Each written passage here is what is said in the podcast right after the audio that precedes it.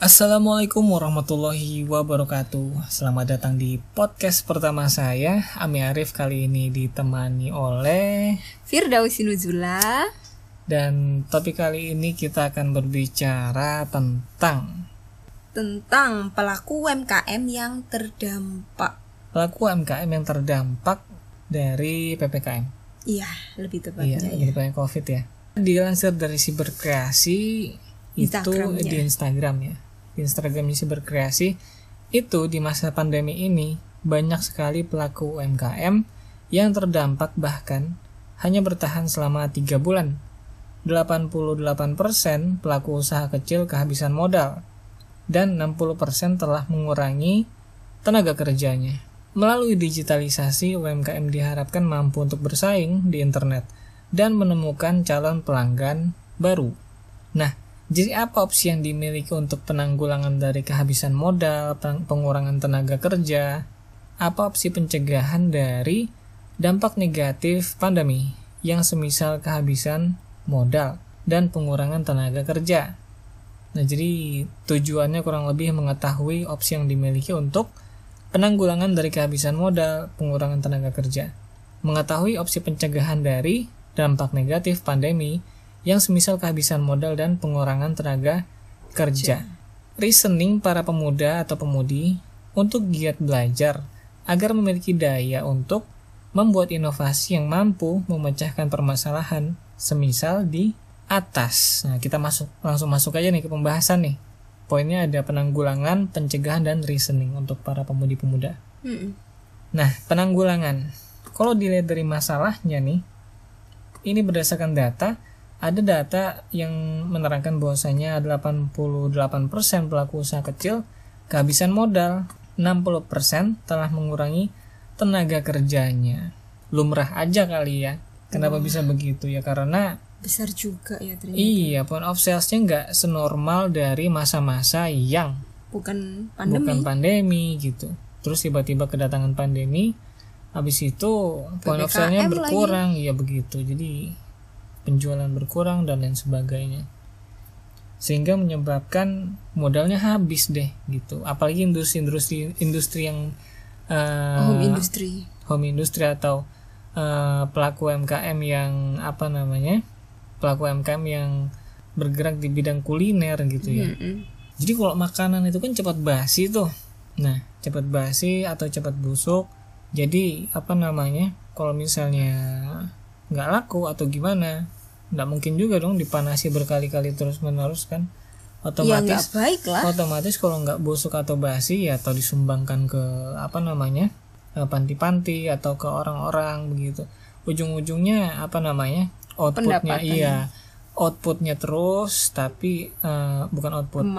Eh, iya pengeluarannya terus Masukannya sementara minus. pemasukannya minus gitu gak mungkin juga pemasukannya pahala terus ya kan karena ya kita hidup ini juga perlu apa namanya ya bahan bakar lah Perputaran. perputaran apa namanya cash flow lah istilahnya itu nah jadi penanggulangannya untuk masalah itu otomatis harus menyesuaikan dengan demand ya bagaimana pasar itu bekerja gitu sementara orang sudah tidak boleh lagi terlalu Berkeliaran. iya berkeliaran gitu begitu dijemput bola pun belum belum tentu orang itu satu kali apa namanya satu kali datang terus langsung beli gitu enggak kan Mm-mm. Jadi jadi harus sekian lama dulu Berulang-ulang. sudah berulang-ulang dulu sudah jalan sekian bulan sekian tahun sudah mulai familiar baru dia nanti mulai coba-coba iseng stop baru coba mulai iseng-iseng kenalan minta nomor HP dan lain misalnya pre-order dan lain sebagainya kan butuh waktu juga gitu ya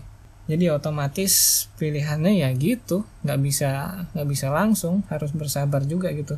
Menyesuaikan dari pola-pola demand yang ada permintaan pasar yang ada. Jadi opsi pe- penanggulangannya ini kalau misalnya me- menyesuaikan dengan demand yang ada itu ada bebe- ada beberapa opsi ya. Kalau misalnya apa namanya mau dengan cara yang lama otomatis pengadaannya itu pengadaan barangnya itu harus Dikurangi. dikurangi menyesuaikan dengan frekuensi demand atau permintaan pasar akhir-akhir begitu. Jadi supaya nggak banyak belanjanya sinkron dengan eh, pemasukannya gitu. Sinkron dengan pemasukannya. Jadi nggak lebih besar pasak daripada tiang gitu ya istilahnya ya. Tapi namanya orang jualan juga kadang itu butuh untung yang besar.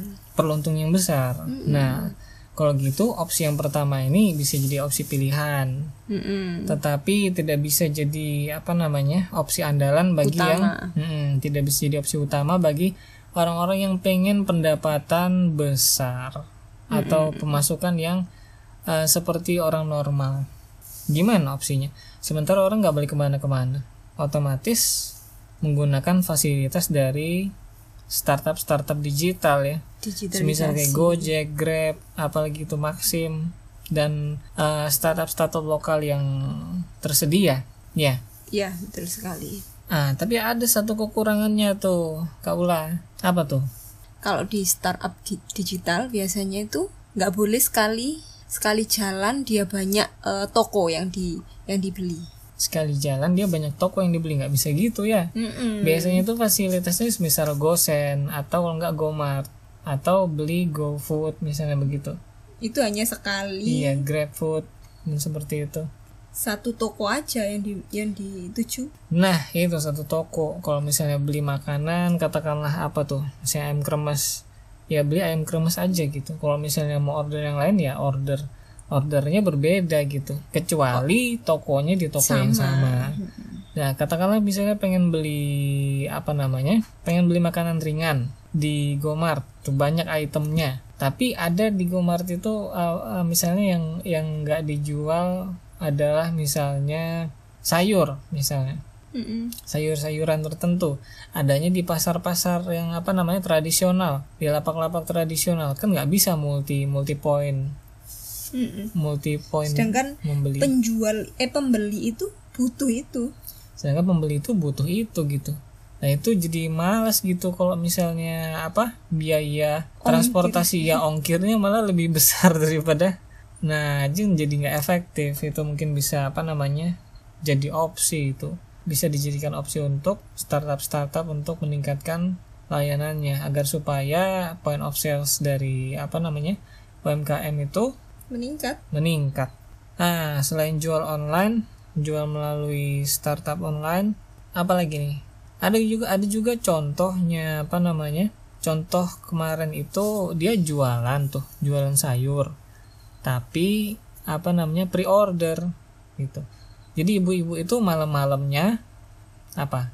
Malam-malamnya sudah pesan. Ap- apa namanya? Sudah setelah selesai pesan, paginya baru diantar barang itu di jam dan tempat yang biasanya. Nah, untuk sampai ke proses itu tuh kan mesti nggak mudah tuh kan. Harus kenal dulu, harus Menjadi langganan lah istilahnya. langganan, harus tukeran nomor HP, akrab dulu gitu. Nah, sementara untuk menjalin hubungan dengan customer seperti itu, itu biasanya makan waktu Mm-mm. gitu. Tapi itu bisa jadi opsi alternatif atau opsi pilihan gitu ya. Bagi orang-orang yang sudah punya usaha kecil, dia kan pasti punya pelanggan. Hmm, pas, iya punya pelanggan. Gitu. Jadi simple sih. Jadi itu solusi efektif buat apa namanya? customer-customer yang sekiranya nggak terlalu hmm, kuat masalah gadget kali ya. Misalnya orang-orang tua tuh yang misalnya nggak pakai nggak pakai smartphone bisa tuh pakai cara itu. Nah, jadi untuk penanggulangannya sudah didapat tuh. Ada tiga tuh tadi.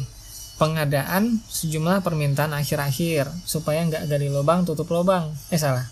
Supaya nggak lebih besar pasak dari Daripada tiang. Salah peribahasa, salah makna jadinya.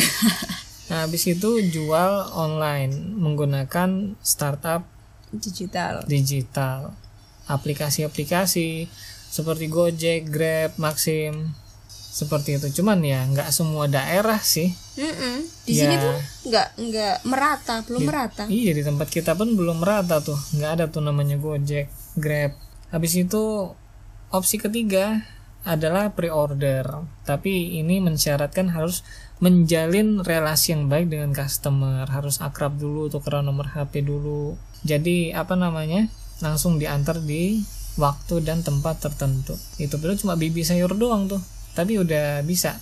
Nah, itu untuk penanggulangan. Nah, kalau untuk pencegahan sendiri gimana? Kalau untuk pencegahan sendiri supaya point of sales-nya itu nggak terlalu apa namanya? nggak terlalu menukik banget gitu. Ini kan sampai 88% pelaku usaha kecil kehabisan modal. 60% telah mengurangi tenaga kerjanya berarti cash flow-nya nggak sehat gitu. Mm-mm. Pemasukannya sedikit, habis itu pengeluarannya besar. Berarti pengeluarannya harus dipangkas. Pengeluaran harus dipangkas atau pendapatannya harus dipertahankan. Yes. Nah, gimana tuh? Untuk mencegah itu, Hmm. startup digital dia harus eh, punya inovasi baru di startup tersebut ya. Hmm. Jadi belinya nggak hanya di satu titik, tapi di banyak titik.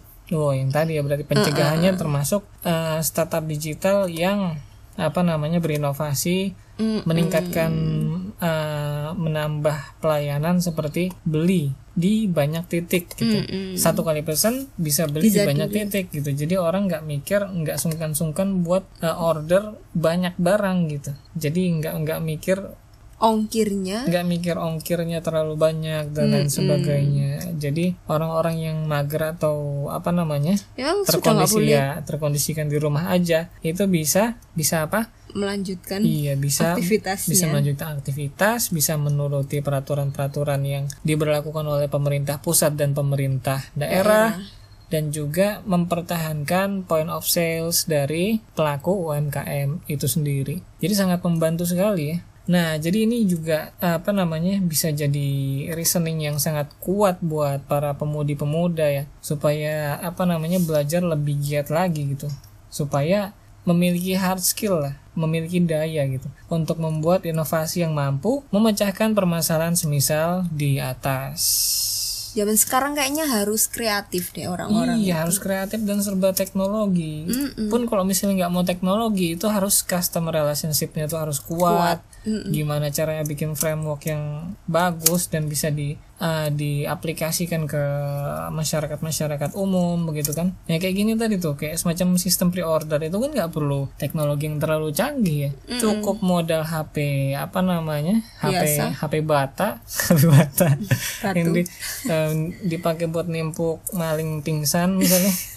Nah itu cukup modal SMS sudah bisa request sudah bisa order sudah ngaruh ke point of sales dari pelaku UMKM itu Nah, itu kan nggak nggak pakai teknologi yang terlalu tinggi ya cuman apa namanya inovasinya luar biasa gitu hanya bermodalkan customer relationship yang baik Baik.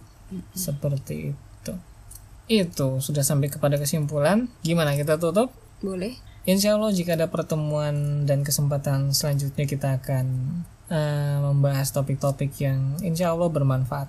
Terima kasih atas atensinya. Insya Allah sampai jumpa di lain pertemuan. Assalamualaikum warahmatullahi Wabarakatuh. wabarakatuh.